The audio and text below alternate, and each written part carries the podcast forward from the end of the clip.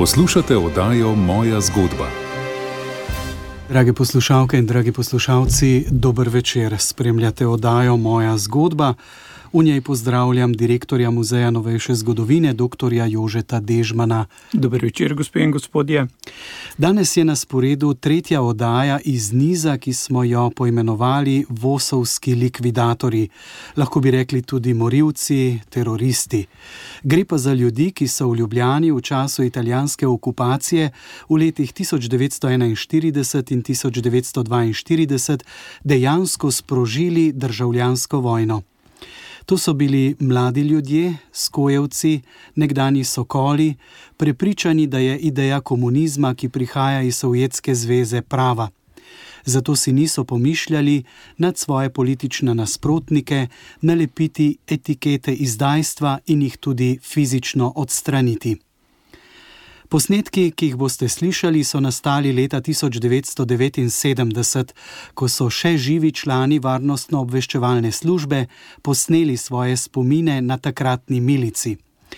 Ker so bili ti posnetki shranjeni v sklopu Ministrstva za notranje zadeve, v času, ko so se uničevali arhivi, niso bili uničeni in so danes tako velika redkost, pravzaprav še nikoli niso bili javno objavljeni.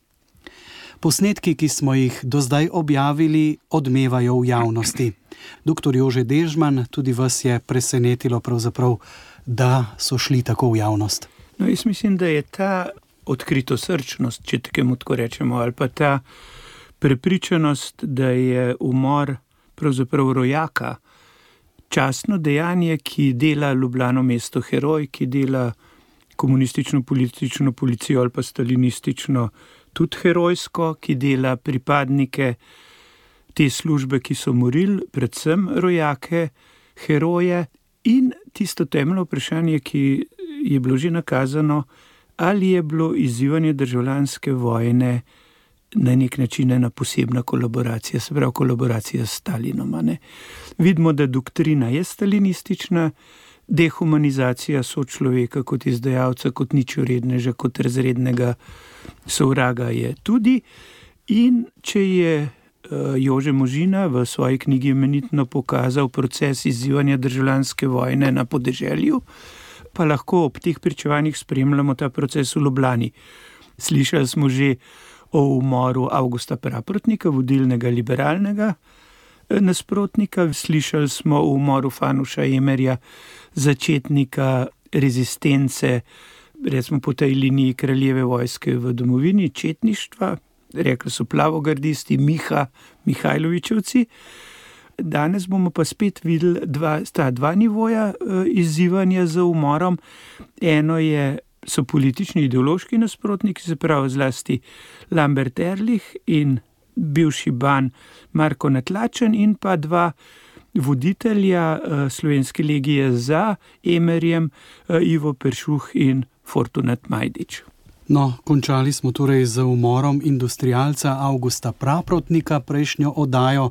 Tudi danes nas bosta nagovorila Franz Stadler Pepe in pa Kamil Kratohvil Mile, njuni posnetki. In zdaj gremo k morda najbolj odmevnemu umoru v tistem času, umoru profesorja Lamberta Erliha. Ko smo pred nekaj eh, dnevi imeli v Muzej novejše zgodovine na okroglo mizo o mislecih slovenske države, slovenske samostojnosti, je med njimi zaseda časno mesto dr. Lambert Erlich. Tudi analize dogajanja v letu 1941-1942 v Ljubljani kažejo, da je pravzaprav Erlichovo delovanje proti italijanskemu okupatorju bilo na način uporniško. Skušal je doseči, da bi zaščitili civilno prebivalstvo in uh, se tukaj ni daleč od že prej omenjenega umorjenega Augusta Praprotnika. Ne? Ljudje so skušali v tistih norih časih narediti eh, razmere za prebivalstvo znosnejše, takrat so se razumni in jaz bi rekel odločni ljudje. So skušali eh, vzpostaviti razmere, v katerih bi upor imel manj stroškov, kot jih je imel komunistični ali pa stalinistični tip upora, In v javnosti, seveda, dobiva ta podoba tudi komemoracije njegove smrti, ker prizadevno predvsem vršijo letno s temi komemoracijami, dr. Janes Juhant. Te raziskave kažejo pravzaprav eno veliko podobo Lamberta Erliha. Tukaj pa pridemo do tiste dialoške točke, kaj so v njem mislili njegovi morilci. In to je tisto, kar bo potem prineslo zgodovinsko tehtanje. Ali je bil umor resen, zavržen umor, ali je eh, bilo potrebno Erliha umoriti zaradi stikov z Italijani, ali kot vodilno osebnost, ki je eh, pač stalinistični revoluciji stala na poti. Zanimivo je, da je Štadler v opisu umora Erliha silno kratek.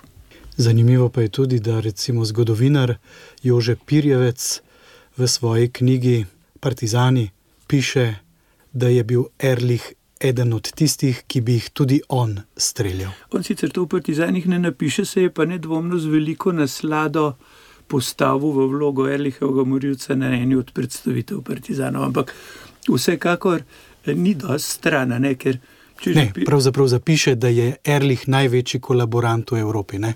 No, to pa ja, to je pa pravzaprav res en posebnih, posebnih eh, periočih duhovitosti. In ko sem mu to v javnem dialogu postavil kot problematično, seveda ne odgovarja, on vidi to kot politični napad z desne. Ampak to, to so zdaj tiste, ta nelagodnost dialoga, ki jo bomo mogli sešteti nedvomno. Tudi v Nemčiji so bili med milijoni nacistov so bili po vojni še zmeraj živi tisoči ali pa sto tisoči, ki jim na misel ni prišlo, da bi judom odškodnino plačevali, ki jim na misel ni prišlo, da bi svoj protisemitizem in holokaust videli kot greh. To je bila pač opitost nemškega naroda ali pa avstrijskega ali pa italijanskega z Mussolini, ampak ki se jim še na misel ni prišlo, da bi Hitler mu kaj narobe. In Zato je to spraševanje potrebno, kako se bomo do revolucionarnega terorja opredelili. In eh, tukaj tudi se ja postavljam, eh, dr. Pirjovcu, še enkrat eh, to vprašanje. Tukaj ima lahko najlažje stopi z gospodom Štadlerjem, z gospodom Kratohvilom na zgodovinsko prizorišče, potegno pištolo in reče: Jaz sem z Štadlerjem in Kratohvilom tukaj tudi, da streljam. 26. maja 42 na Streliški ulici je bil streljen Erlich Lambert in njegov pomagač Rojc Ivan. Izvršila sva to jaz in pa Mile Kratohvil. V zaščiti je bil Đorđe iz moje grupe in pa Sabina, ki sem jo angažiral tudi za zaščito. Pokojna Sabina, mislim, ne, to ne.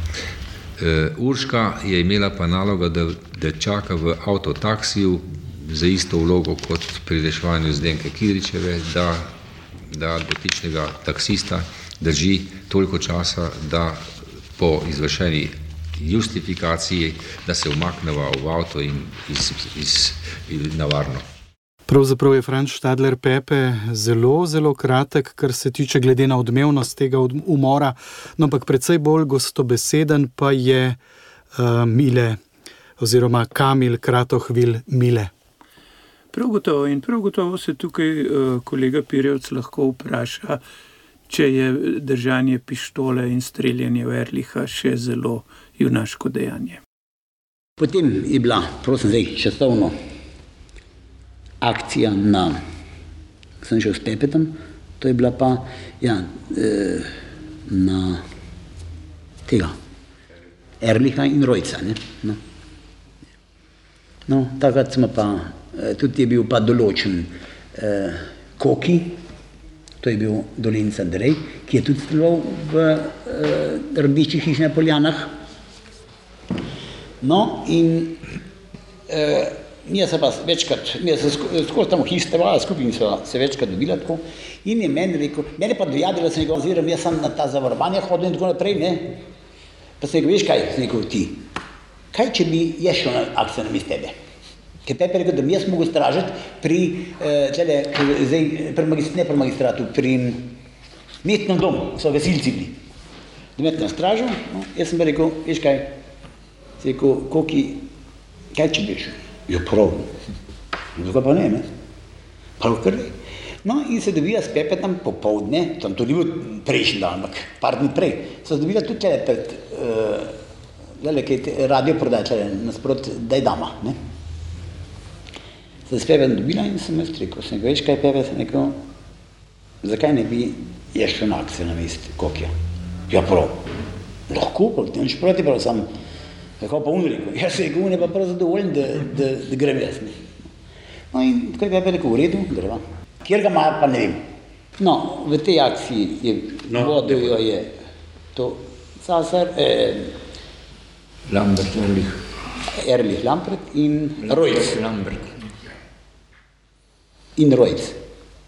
No, eh, to sva pa mi dva enkrat šla z eh, to, eh, no, Lizo. Tega mi je pa Liza pokazala. Ne? Liza. In sicer tam to pes, ne vem, mesec mi ga je pokazala, prav tam nekje, ko je šel od, on stalno šel za tele eh, stražarje v ljudski kuhinji. In tam vem, da mu je enkrat zdaj, ne vem, kje prosto že v to, da mi ga je tega mi Lidija pokazala. Eh, Lidija, ja, drmastja, no, mi smo rekli Liza. Ona mi je pokazala, potem smo eh, se večkrat, to smo se pa večkrat dobili s Pepetom, bila. Zraven bil tudi, prosim, ker je bil uh, on odstopil od akcije, je bil tudi Koki. On je pa potem vršil zavarovanje uh, pri uh, sedanjem tleke, tale, mestni trg, no, ne mestni trg, uh, Krekov trg, kjer je ta uh, zelenavo prodaje, no, ker je bil prej gasilci sem not. Tam je bil on stražil, Sabina pokojna, Štadler Sabina, ne, Pevetova žena pokojna, je pa stražila pa tam pri otroški bolnici. Ne, Z nami je bil pa, v avtomobilu je bil pa ti Đuro. Đuro. On je pa moral držati eh, na te ulici, to je meni eh, Zrinska, ne Zrinska, prva, ki gre dol, Zrinskega. No, tam je pa on avtomobil držal, ne, No, mi s Pepetom, Pepe je prišel k meni zjutraj, to je bilo zelo zgodaj, to je meni se je bilo ob sedmih, tako, da v pol osmi ali osmi je bil on padel. Ne. In sem jaz s Pepetom šel tam, Pepe si je maskiral, si dal. Jaz sem si dal samo ene črne špigle, katere sem pa izgubil, jaz sem špigle izgubil, ker me je on klinc vame skočil, minušek sem ga strelil, rojc. In Pepe je pa brke si dal. Brge se se je tam pred našim špiglom, jaz sem fotra hiter prešliferil, ne, ki je Pepe eno reč ven preko in sedite brgce takole, gor eh, limo, ne, to se malo maskiram. No, šla sva, ok, in sva tam hodila, kaj te, četrt ure, in so začeli te stražari ven hoditi iz ljudske kuhnice dan, ne. Pa prav, Pepe, prav mi zdaj pa peva, no. In sem jaz šla, če takole ljudska kuhna, se gre ven, kaj proti mestu, treba proti mestu, mi jaz takole šla, no, in vidimo, da je prišel on ven. Po kateri ulici ste šla? Po Streliški ulici. Ob, ob zadanji hiši ljudske kuhne, zdaj tem, ko se takrat imenovala, kaj je to? Je ljudska kuhna, zdaj pa takrat je ljudska kuhna. No? Potem so še po tem trotuarju. In Pepe je rekel, evo prav mile, zdaj pa je prav. Ne? In je še to rekel, kjer ga boš ti? Dva tabla, ne? Ker takrat so rekli, vse, kar je okoli njega. Bila treba samo dva, on pa še en. Mislim, neposredno skupaj z njim.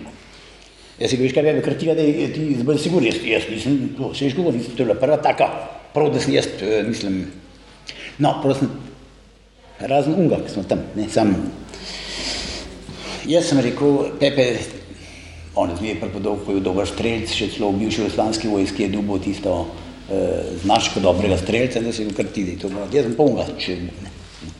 No in sva pač se obrila, Pepe, pa še naprej, enih pet, deset korakov pred njima sva pospešila, se obrnila in sva tisti izvršila. Ne?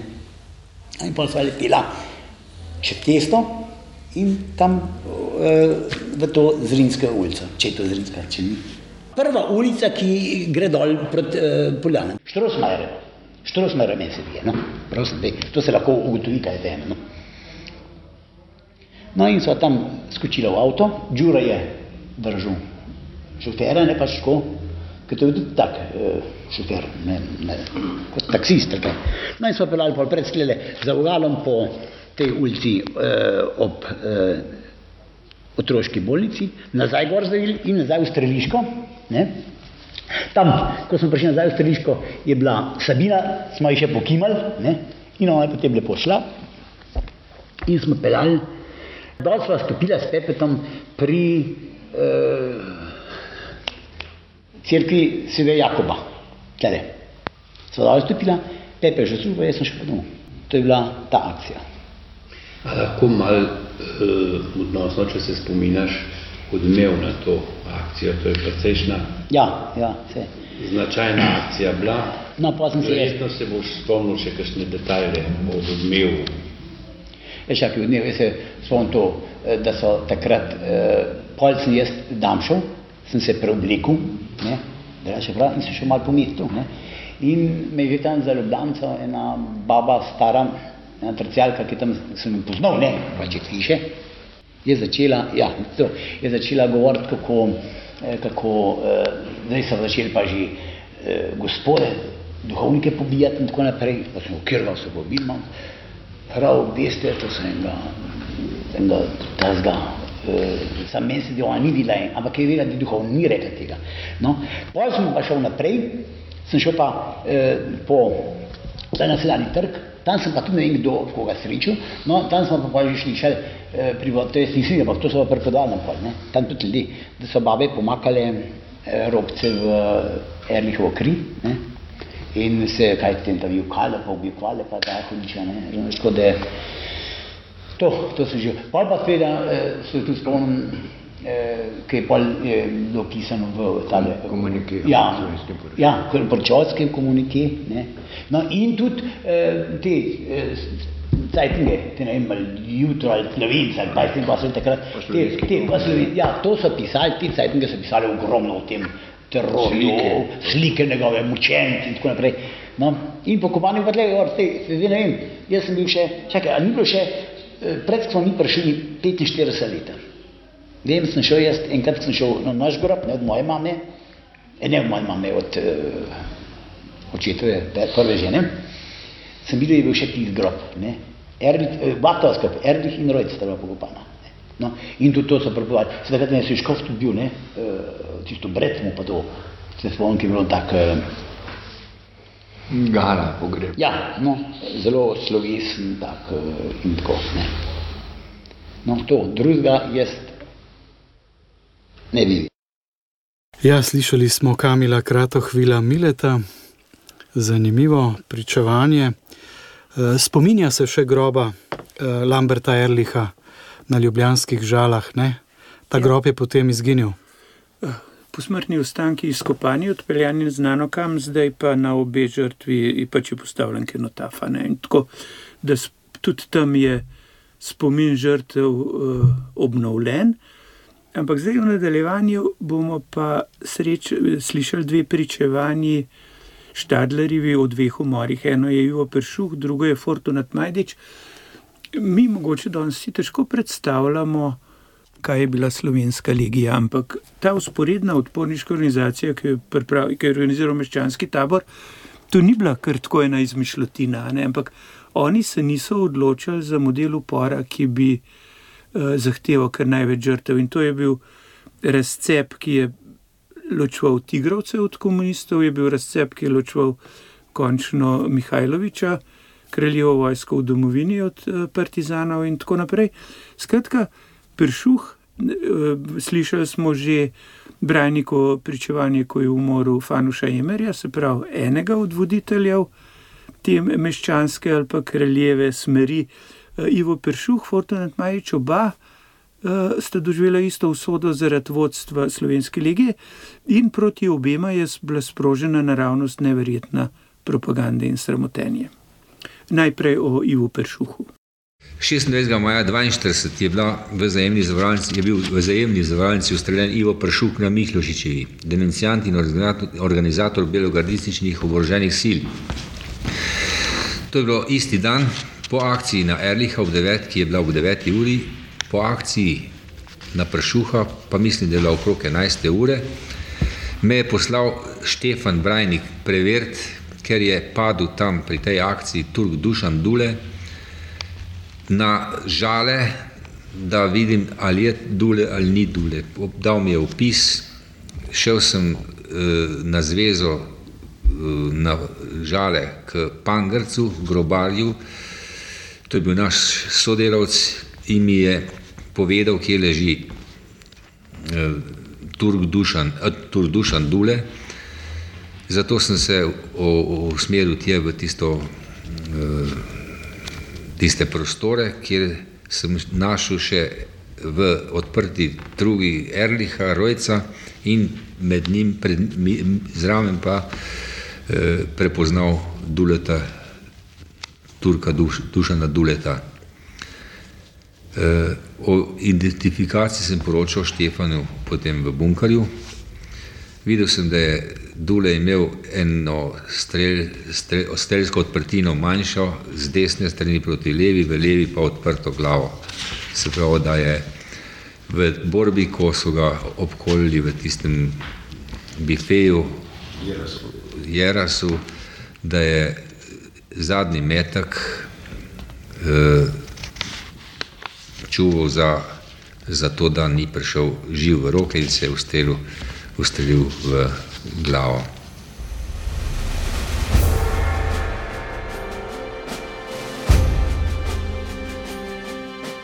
Poslušate oddajo Moja zgodba na Radiu Ognišče.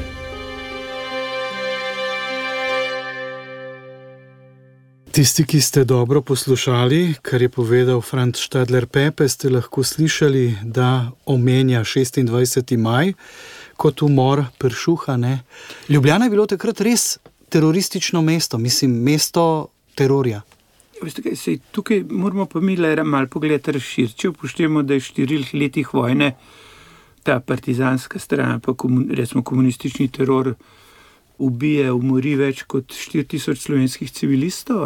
Prav, če vzamemo štiri leta, to je 1200-1400 dni, pomeni, da povprečno 2 do 3 umori revolucionarne justice na dan se zgodijo. Se pravi, je bila ta frekvenca v Ljubljani, pravzaprav gledano na vse vojni čas, še zmerna. Preč normalno je bilo umoriti povprečno 2 do 3 slovence na dan z partizanske strani. To se pravi, gre za neoborožene civiliste. Ne? To je tista mera državljanske vojne.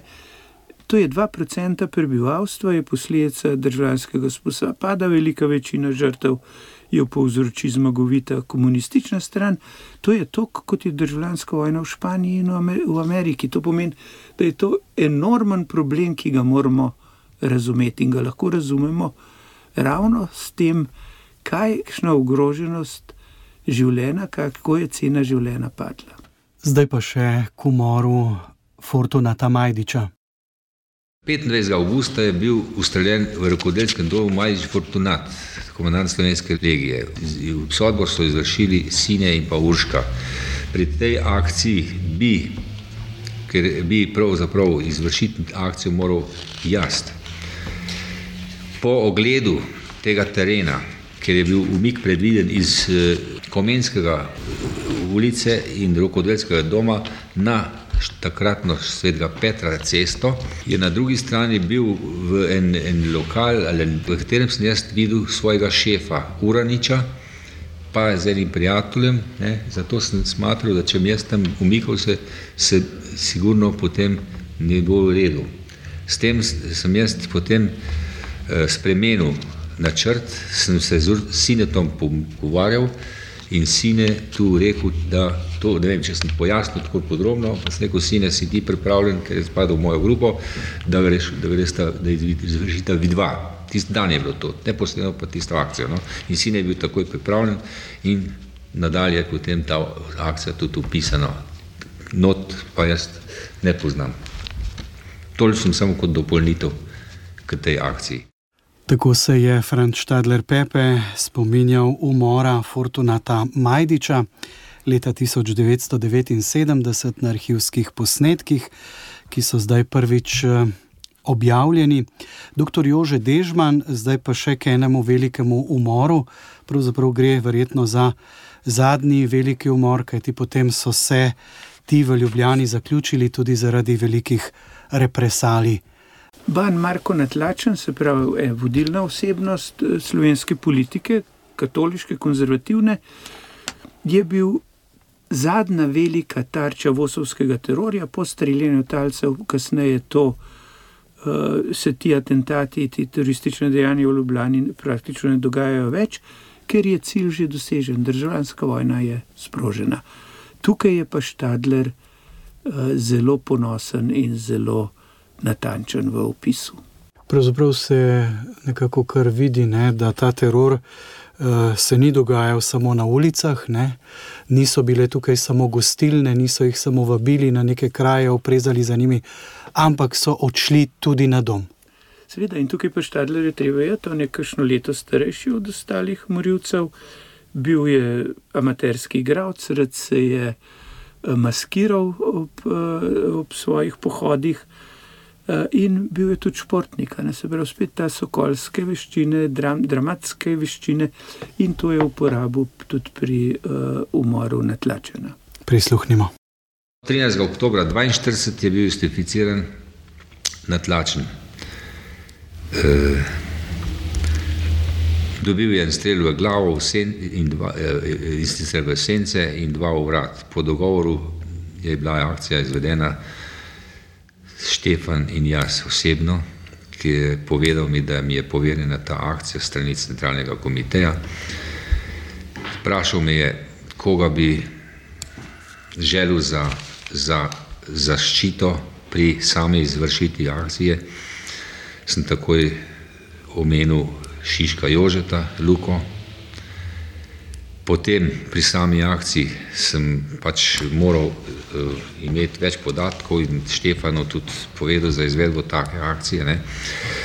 Je potrebno, da poznam situacijo v sami hiši uh, in uh, tudi ostale podrobnosti. Ne.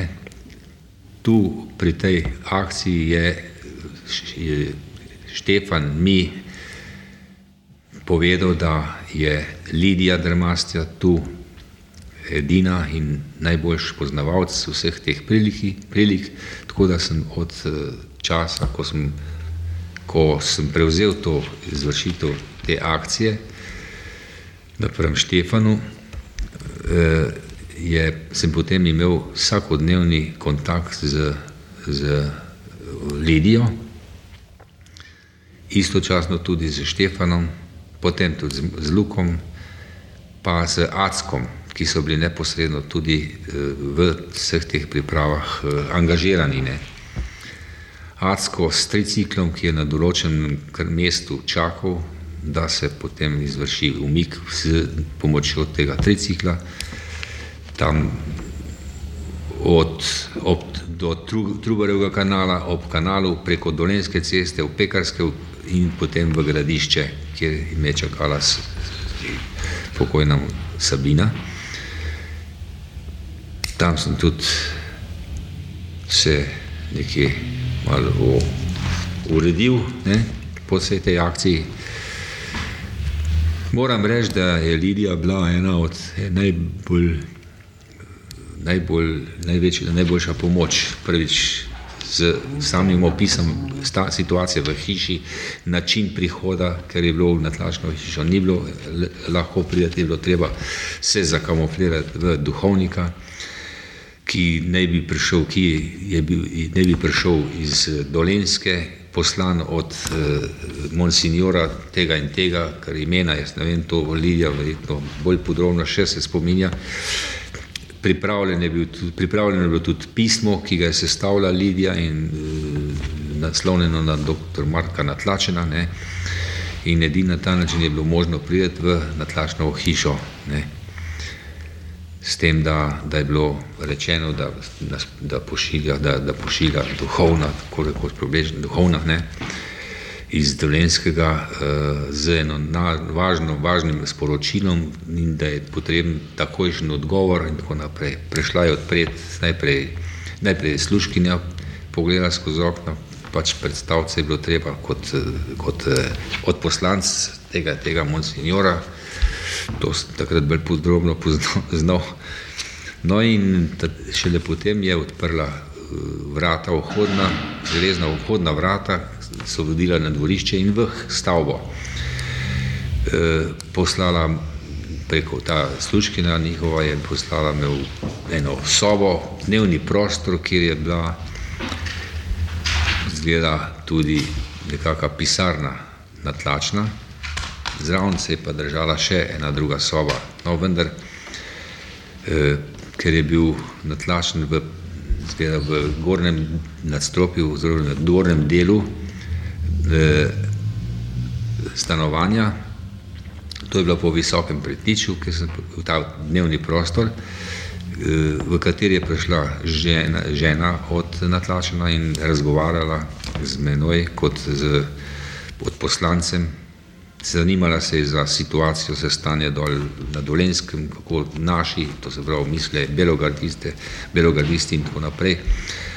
Jaz sem nekako na lep način povedal, da je v redu, da naši dobro napredujejo in da so se precej razvili torej naš, našo organizacijo. Nisem povedal, katero, kako, kaj podrobnosti se tudi ona ni, ni hotla podrobno vedeti, samo videl sem, da je zelo, zelo, zelo zradoščena nad temi, nad takvim pripovedovanjem. To je trajalo cirka pet minut. No, ko je stopil natlačen v to isti prostor, se je žena oprostila in je poslovila. Povedal sem ponovno, da je treba, da, je, da sem poslano tam in tam, da ima izredno važno obvestilo, da bi žel, da je želja, da bi takoj eh, odgovor tudi eh, prenesel nazaj, s tem sem nekje prepričevalno eh, Marka natlačna prepričal, da je vse v redu, vedel sem se tudi kot duhovnik. No, natlačen je potem sedel za mizo, čim je odprl pismo, začel čitati, tudi sem, sem pristopil dva, tri korake do njega in en strel v glavo, dva v vrat. V tistem trenutku že završali po hiši Ajuto, Italijani, skozi okno, ker je bila nasprotno italijanska, ena postojanka, ena gimnazija, kjer, v kateri je smešena italijanska vojska in straža pred, uh, ravno na tej, na tej nasprotni strani, mečken omaknjeno na uh, stran od te uh, hiše natlačene. No, v tistem, ko, ko, ko pač, ko sem jaz uh, hotel mik narediti iz hiše, sem pomotoma šel dol po stopnicah v klet, ker sem mislil, da je to že v, v, v, v izhod na dvorišče vendar sem videl, da to so stopnice v klet, čim sem se tistih, po tistih stopnicah vrnil v hodnik, sem bil že napaden od vseh treh, to je od sina, žene, natlačna in pa sluškinje, ki so me obkolile in hotle eh, podrt na tla. V tistem sem jaz hotel rešiti najprej sina natlažna, ki je bil za pol glave ali pa še več višji od mene močan, ne, sem ga s pištolo po čelu udaril, da, tako, da je nekako prvo silo odletel. Rečeno je bilo, da se, ne, da se njega ne sme streljati, no, ampak od strani iz leve, desne, pa, pa nekdo me je držal za lase, me je izčupil tudi en kos in šel plas, vendar sem videl najbolj nevarnost od sina, ki se je ponovno zapognal proti meni, jaz sem v tistem videl, da je zdaj, ker je bil rečen, če sem v taki nevarnosti, da potem se tudi strelja. Ne. Ko sem videl, ko sem pritisnil Petrina, sem videl, od prvega udarca, ki je dobil po glav, da je pištola Bereta 9 mm se zakočila in da ni streljala. V tistem sem videl zadnjo, zadnjo, zadnjo, zadnjo to možnost, da še enkrat udarim eh, sina natlačnega po glavi, tam približno na isto mesto, odnosno še močneje se udaril, tako da je odletel, seveda ne pa tudi pištola odletela, on se je nekako prevrnil na tla, zratno. V tistem sem se, sem se utresel sluškine, žene, se obrnil proti kuhinji, se nisem vedel, da je tam kuhna, tam je ena stara ženica sedela, ne, ni vedela, kaj, kaj je, gotovo starejša, ne vem, kje je bila. Odprem eno tako vertikalno okno, pokončno belosko, odprem in kot lev skočim skozi tisto okno. In nisem vedel, kam vodi tisto okno in to je bilo pač na dvorišče, na eno peskasto dvorišče, ene tri metre približno višine na roke, koliko smo rekli čas pri Sokolu, levi skok, tako da sem se nisem se več naredil, ker sem bil res izredno spreten. E, tečem proti zidu v tisti smeri, kjer sem vedel, da me čaka e, Acko s triciklom. Preskočil zid, v tistem trenutku sem se zagledal, da je za mano tudi e, en volčak zdeljev, ki pa je bil bolj počasen kot jaz, tako da me, sem bil že na sami betonski ograji, odnosno zid, eh, opekasta ograja, na vrhu pa beton, tako da je bilo lahko preskok in jaz sem bil navajen preskakati od telovadbe, take višine, to je bilo približno dva metra visoka ograja. Potem mislim, sem prišel na drugo dvorišče, pa še ne ograja je bilo treba preskočiti in potem na, na, na drugo ulico, v drugi smeri, tam proti telen triciklu, kjer sem potem sedel na tricikl in, in me je adsko odperil, kot sem že prej malo omenil. To je bilo pač malo bolj tako na raztreseno povedano, neč urejeno, je pa tudi ta akcija nekje bila opisana, sicer mislim, s te spleti obdelava Marka Natlašna kot velikega narodnega izvajalca, financerja in organizatora Bele garde, čuvam ga od italijanskih, italijanskih eh, eh, policijskih sil in tako da mislim, da je samo to, da je bilo toliko eh, talcev za njega ustreljenih, kaže, da je bil to en, naj, en od največjih, največjih političnih organizatorjev in, in, in sovražnikov komunizma, odnosno pokreta osvobodilnega in pa narodne borbe. No, še bi dopolnil Tole. za sodelavce pri, teh, pri, tej, pri tej akciji v pripravah in v sam, sam, sam tik pred neposredno proti izvršitvijo akcije. E, moramo omeniti, da je tu poleg tvržice Lidije, ki sem jo že prej bolj podrobno omenil, e, bila tudi angažirana tvržica Mija, ki je prinesla, eh, med drugim tudi je sodelovala v pripravah, da je izdelala načrt, eh, mislim, tele ograje in vrta in dvorišča in vse to za umik potrebne, kje ne bi tudi se postavil Acko s svojim triciklom in podobne, podobne stvari v teh pripravah. Tako, drage poslušalke in dragi poslušalci, slišali smo Franca Štadlerja Pepeta, tistega, ki je umoril Bana Marka Natlačena in pobegnil s triciklom, kot smo lahko slišali. Doktor Jože Dežman, je potreben kakšen komentar? Ja, je potreben. Se pravi, vse te umore so spremljale tako imenovane izjave ali pa deklaracije ali pa se pravi, medijski, medijski pogrom nad žrtvami, se pravi, komunikaji varnostno-vesvojalne službe, politične policije. Treba je vedeti, da pri natlačenu se pa zgodba vleče dlje časa. On nedvomno nam pismo z Denke Kidrič Marijete, se pravi, ene redkih žensk, ki bi bila, se pravi, v slovenski zgodovini takega ženskega bitja, ki bi povzročila smrt toliko ljudi, nimamo, je nekaj posebnega, tudi uh, ni deležna za dost te kritične ocene. Uh, eni jo hočejo predstavljati kot neutralno, varnostno obveščevalno službo, ampak dejstvo je, da je ta morilski stroj v Sloveniji vodila ženska. Ne? Ampak zdaj, kaj reč Marijeta, je mogoče že tam jeseni, ne pred umorom, še zmerom piše, da cincajo, da nimajo pravzaprav nobenega pametnega razloga, zakaj bi šli natlačeno umoriti. E, in ta cincanje, tako v vrstah komunistične partije, kot tudi pri sopotnikih Osvobodilne fronte, znano je kot zbekovo tudi razmišljanje, in tukaj je se jaz za oceno dr. Matejo Grina strinjam, tukaj je Kocbek preko vsake mere eh, šel v to morilsko politiko, ne, z tem solidariziranjem z političnimi umori. In tukaj gre preprosto za politični atentat. In ko pa to ljudi le, to je javnost takrat je bila ogorčena, je so komunisti videli, da so šli čez vsak rob, ustavijo, ampak razcep je bil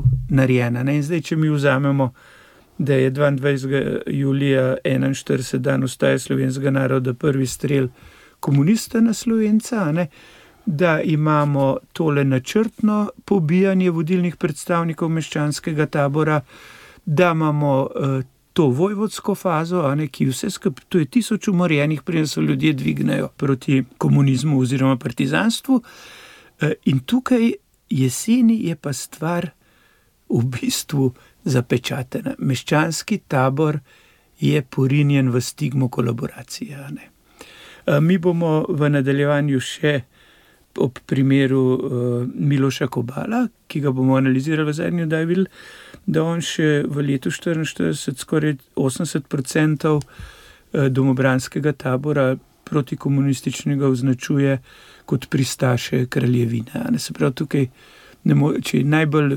najvišji vuhun uh, komunistični označuje te nasprotnike kot Eh, pristaše kraljevine, se vidimo, da ne gre za kolaboracijo, gre za uničenje nasprotnika v državljanski vojni. Zdaj, to bodo stvari, ki jih bomo mogli pojmovno razčiščevati, ampak to je tukaj že vidno, da je ta neusmiljeni komunistični manever pravzaprav.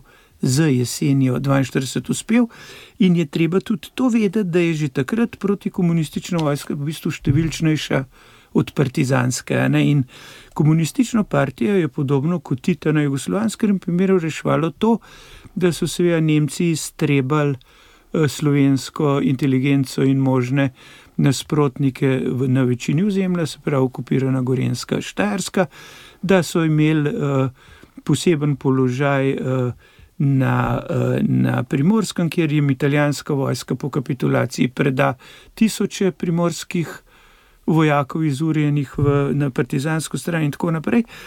Ampak uh, nedvomno ne, je ta dilema, ki je bila rešena na najbolj brutalen način, nam na drugi strani pa da možnost razmišljati o meščanskem taboru. Tako kot že Jože Možina napiše, seveda se lahko pogovarjamo, kaj bo, kaj ne. Ampak jaz bi tukaj šel iz te strašne ocene Viktorja Blažiča, ko je rekel, da nekaterim kasnejšim poražencem državljanske vojne še na robu kočevskih brezen ni bilo jasno, s kom imajo opravka. In oni so kljub vsemu v teh svojih notrnih sporih, prerivanjih in tako naprej, viseli na predvojnih nasprotjih, nastajala so še kakšna nova, ampak kakorkoli, ko protikomunistični tabor z letom 1944 preide na radikalnejše pozicije in ko začne uporabljati nasilje tudi kot orodje, vidimo, da je naprimer v Ljubljani, mestu heroju, je za jesenjo 44 komunistične ali pa političnih organizacij partizanskega gibanja konc. Da bi verjeten in politično in vojaško v enem odprtem spopadu komunistični tabor zgubo, ampak so bili na strani zmagovite koalicije in zmagali. To je tisto, česar se moramo zavedati. Seveda je pa, je pa to do tega, da bomo do tega prišli, mnoge raziskave, mnogo razmišljanja, ampak ta prostodušnost, ki smo jo slišali v teh izpovedih, pove, kakšna mašinerija je bila, da je te mlade, recimo 20-letne, fante in dekleta spremenila v. Ja, dejansko to so bili. Stroji za ubijanje. Ja, jaz bi rekel, no, ni daleč od tega, da bi bili lahko bombaši samomorilci. Eh, omenili ste to prostodušnost priznavanja, danes nas pravzaprav kar strese, ko smo prej poslušali eh, Kamila Kratohvila, Mileta, ko je ustrelil nekoga, ki ni bil pravi in reče: Tja, smo se zmotili. No, reče še kaj bolj prostodušnega, ampak uh, mile kratohvil je tudi, nimamo v tej oddaji časa vse. Analizirati uh, te spomine so obnavljali v serijah. Ne? In eden od fasciklov Arhiva Republike Slovenije je starejši od leta 1979 in tam Mile Kratohvil govori o svoji izredni radosti, notranji sreči, blagostanju in miru, ko je uspešno počel Erliha. Ne, to so te stvari, a veste, v Nemčiji uporabljajo izraz skupnost racionaliziranih morilcev. Ne, se pravi, če je morilcev v družbi dost, se povezujejo in se prepričujejo, kako so prav imeli. Če jih sodstvo ne preganja, toliko boljša. Ne. Bi vam pa tako rekel, da ta problem vesti, bomo tudi v naslednjem daju več o tem rekli. Ampak, ko sem bil jaz direktor arhiva, sem bil presenečen, da v dvomu hmen niso hodili samo ljudje poražene strani ali pa traumirane, ti tabuirani, diskreditirani, diskriminirani, segregirani, ampak potomci partizanske strani. Zakaj nam niso povedali? Zakaj? Ne na zadnje imamo mi iz teh vrst, ljubljanskih vrst, herojskih vrst, precej misteriozen samomor Viktorja Obla ne, v demokratični Sloveniji. Imamo pričevanje o silnem, pravzaprav ene vrste mučeniškem poslavljanju Zdenke Kidrič Marijete, Ivana Mačka. Tako da ta euforija, ta le prostodušnost, to je prepričevanje, da je zločin v redu, ampak zdaj smo pa tukaj, da se pogovarjamo, a je v redu, a ni v redu. Se to je temeljna lastnost ene demokratične skupnosti, da usmerja taka dejanja, ki ne kršijo temeljnih postulatov in človekovih pravic, in tudi končno, če vzamemo ta širši termin. So človekovega življenja, ne zlatega pravila, ne stori tistega, kar ne želiš, da bi drugi storil tebi. Sej, zato se o tem pogovarjamo, nič drugega nima. Bi tako le rekel. Ko je bilo napovedano in ko se je kazalo, da bo celo možno sojenje ribičiču, ne, ki so ga s falzifikatom z lažjo preprečali, jaz sem šel vprašati vse, tak, se pravi, od Tineta Velikonije, od uh, Antona Drobniča, Antona Drobniča tudi Ljuba Sirca, pa vse, vse noben ni želel da gre dejansko sedeti. Oni so želeli, da stvari dobijo imena, tako kot zaslužijo. In pač Mitja Ribičič, Ciril ali pa eh, naš slavni, najvišji, končno predsednik eh, jugoslovanske vlade, strah in trepet slovenske politike, on se je lagal. On je na zaslišanju na parlamentu rekel, da ni nikoli slišal, da bi ozna vršila množične umore. To je vrhunska laž. In je pokazal, kaj misli, kako se norčuje. In to je družščina iz leta 79 danes. Več o tem pa seveda, kot pravim, v naslednji oddaji. No, doktor Jože Dežman, že sva omenila, da med stavbo Slavije in nebotičnikom še vedno stoji kip ilegalca. To je pravzaprav kip vosovskega likvidatorja, vosovskega morilca, ki je v noči prišel, opravil svoje krvavo delo in pobegnil. Župan Zoran Jankovič je rekel, da dokler bo on župan, domobranskih spomenikov v Ljubljani ne bo. Se to je treba tudi skozi ponavljati. Ne? V Ljubljani je zelo velik domobranskih spomenikov, taki so zavodi svetega Stanislava, kjer zdaj sva tam le čez progo ob pokopališču je grobišče, oziroma vojaško pokopališče, ki še čaka odkritja. Mal naprej je Kucija dolina, oziroma Brezarjevo brezno, ki je zaščiteno, je vojaško pokopališče Dombransko na Orlovem vrhu, je nekaj grobov vaških stražarjev, devet na žalah. So farne spominske plošče samo po sebi in ob farnih spominskih ploščah, ljubljanskih na žalah, stojita kipa Lamberta Erliha in Marka Natlačena. Se pravi, zdaj bi mogel verjeten eh, gospod Jankovič vzeti, se ne vem, bo to strojno delo ali ročno, ali bo z bagrom se odpeljal tja ali karkoli, in odstraniti infarne plošče in, uh, in ta dva kipa. S tem, da naj rečem še, da mogoče je dialog tukaj zanimiv, ker kip Marka Natlačena je naredil uh, gospod Tršar, ki je naredil tudi kip revolucije. Tako da smo tukaj spet v enih takih dialoških navezah, ampak ni tukaj lik Lamberta Erliha, kot se izrisuje, kot uh, kažejo tudi ti prispevki znanstveni na njegovem simpoziju, to, kar ste zdaj odkrivali v njegovem teh nacionalnih programih in tako naprej. Marko Natlačen, ki ga komunisti sami kot taktično žrtev kažejo, kot žrtev politične odločitve. To so vse stvari, ki bodo dale eno normalno razmišljanje in nas končno spravljati k zdravi pameti, sej za nič drugega ne gre. In za konec še dr. Jože Dežman, napoved prihodnje oddaje, to bo zdaj že četrta v nizu. No, mi smo že napovedali, da je vprašanje Jana Zolombergarju to, ali bi mu ti ljudje, ki smo jih zdaj predstavili, povedali to, kar so povedali leta 1979, če bi bili živi in če bi jih povabil k snemanju spominov. Imamo pa človeka, ki je takrat bil živ, ki je pravzaprav neupravičeno pozabljen kot največji komunistični vohun v protikomunističnem taboru in ki je pri spominih nastopal. To je profesor dr. Miloš Kobal, psihiater, ki pa bomo skušali upozoriti, da to, kar je z njim naredil Janez Lomberger, je grdo. Prvič se gospod stvari ni spomnil, v arhivu imamo, bi rekel, stotine strani njegovih ovadb, pričevanj, eh, teh vohunskih zaznamkov in analiz.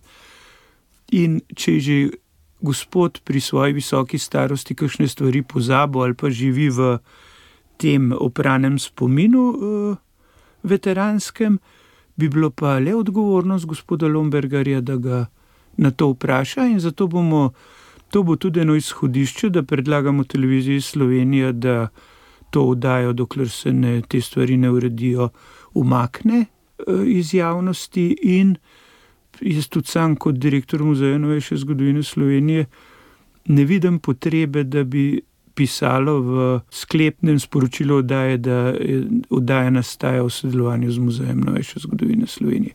To je pa tisto nadaljevanje dialoga med nami, ki je še kako potreben. Doktor Jože Dežman, hvala lepa za nocoj. Drage poslušalke in dragi poslušalci, to je bila oddaja Moja zgodba, v njej pa pričevanji Franca Štadlerja Pepeta in pa Kamila Kratohvila Mileta iz leta 1979 o umorih med eh, drugo svetovno vojno v okupirani Ljubljani. Tudi prihodnič vabljeni k poslušanju. Lahko noč.